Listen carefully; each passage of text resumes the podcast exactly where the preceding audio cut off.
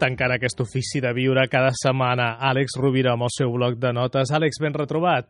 Ben retrobat, Gaspar. Parlem avui d'alguns de... apunts que han sortit en el programa, parlant del tipus de ioga que ens fan suar reflexions. Ens agradaria sentir també el contrapunt en alguns casos de l'Àlex Rovira. Eh, quan parlava una de les nostres convidades, la Laia Giral, de l'alliberament total, no? ella ens deia va deixar l'arquitectura perquè volia l'alliberament total i per això és eh, practicant i mestre del mètode de ioga Iyengar. Tu creus, Àlex, que aquest alliberament total el podem aconseguir mitjançant l'esforç? Clar, paradoxalment l'alliberament no deixa de ser una rendició i moltes vegades totes les tècniques eh, de treball físic, d'espiritual, que busquen un alliberament, paradoxalment, és la meva opinió, a partir de la meva experiència, el que fan és inflar el personatge i carregar-lo de sobreesforç. I des de l'atenció és molt difícil un alliberament. No vull dir que el camí que la nostra amiga i convidada deia la pugui portar amb un cert alliberament, però és que crec que precisament la paradoxa està en que Desitjar l'alliberament és en si mateix un desig. Potser l'alliberament arriba quan aquest desig no és que s'hagi vist realitzat, és que te n'adones de l'absurd de que hi hagi algú que busqui l'alliberament perquè en realitat no hi ha ningú que tingui que ser alliberat. Perquè el jo no deixa de ser més que una construcció mental.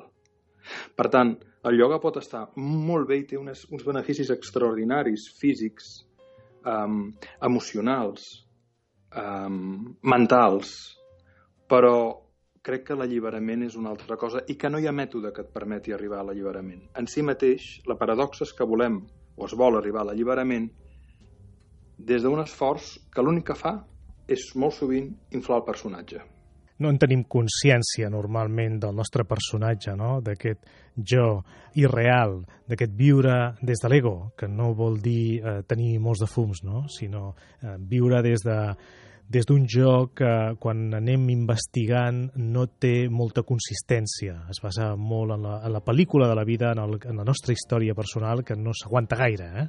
I sobretot quan observem els infants, no? Els infants no busquen res, senzillament expressen allò que són, juguen, són feliços. Observem aquelles persones que, que, que la seva presència i, i companyia ens dona una gran alegria i una gran serenitat busquen alguna cosa? Estan crispades amb la consecució d'algun objectiu?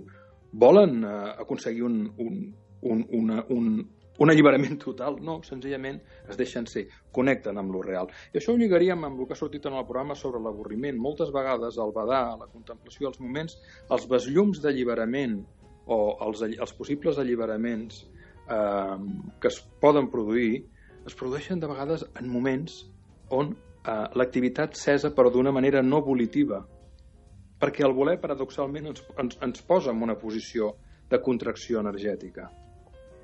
I l'alliberament implica un deixar anar. Aleshores, això un dia en podríem fer un programa específic, no? Però la gran paradoxa és que, torno a dir, moltes de les metodologies que suposadament han de portar un alliberament acaben esdevenint dogmes que l'únic que fan és crispar la persona. Deixar anar seria sinònim de rendició, Àlex? Probablement que no vol dir resignació. Vol dir acceptar allò que és. Queda clar.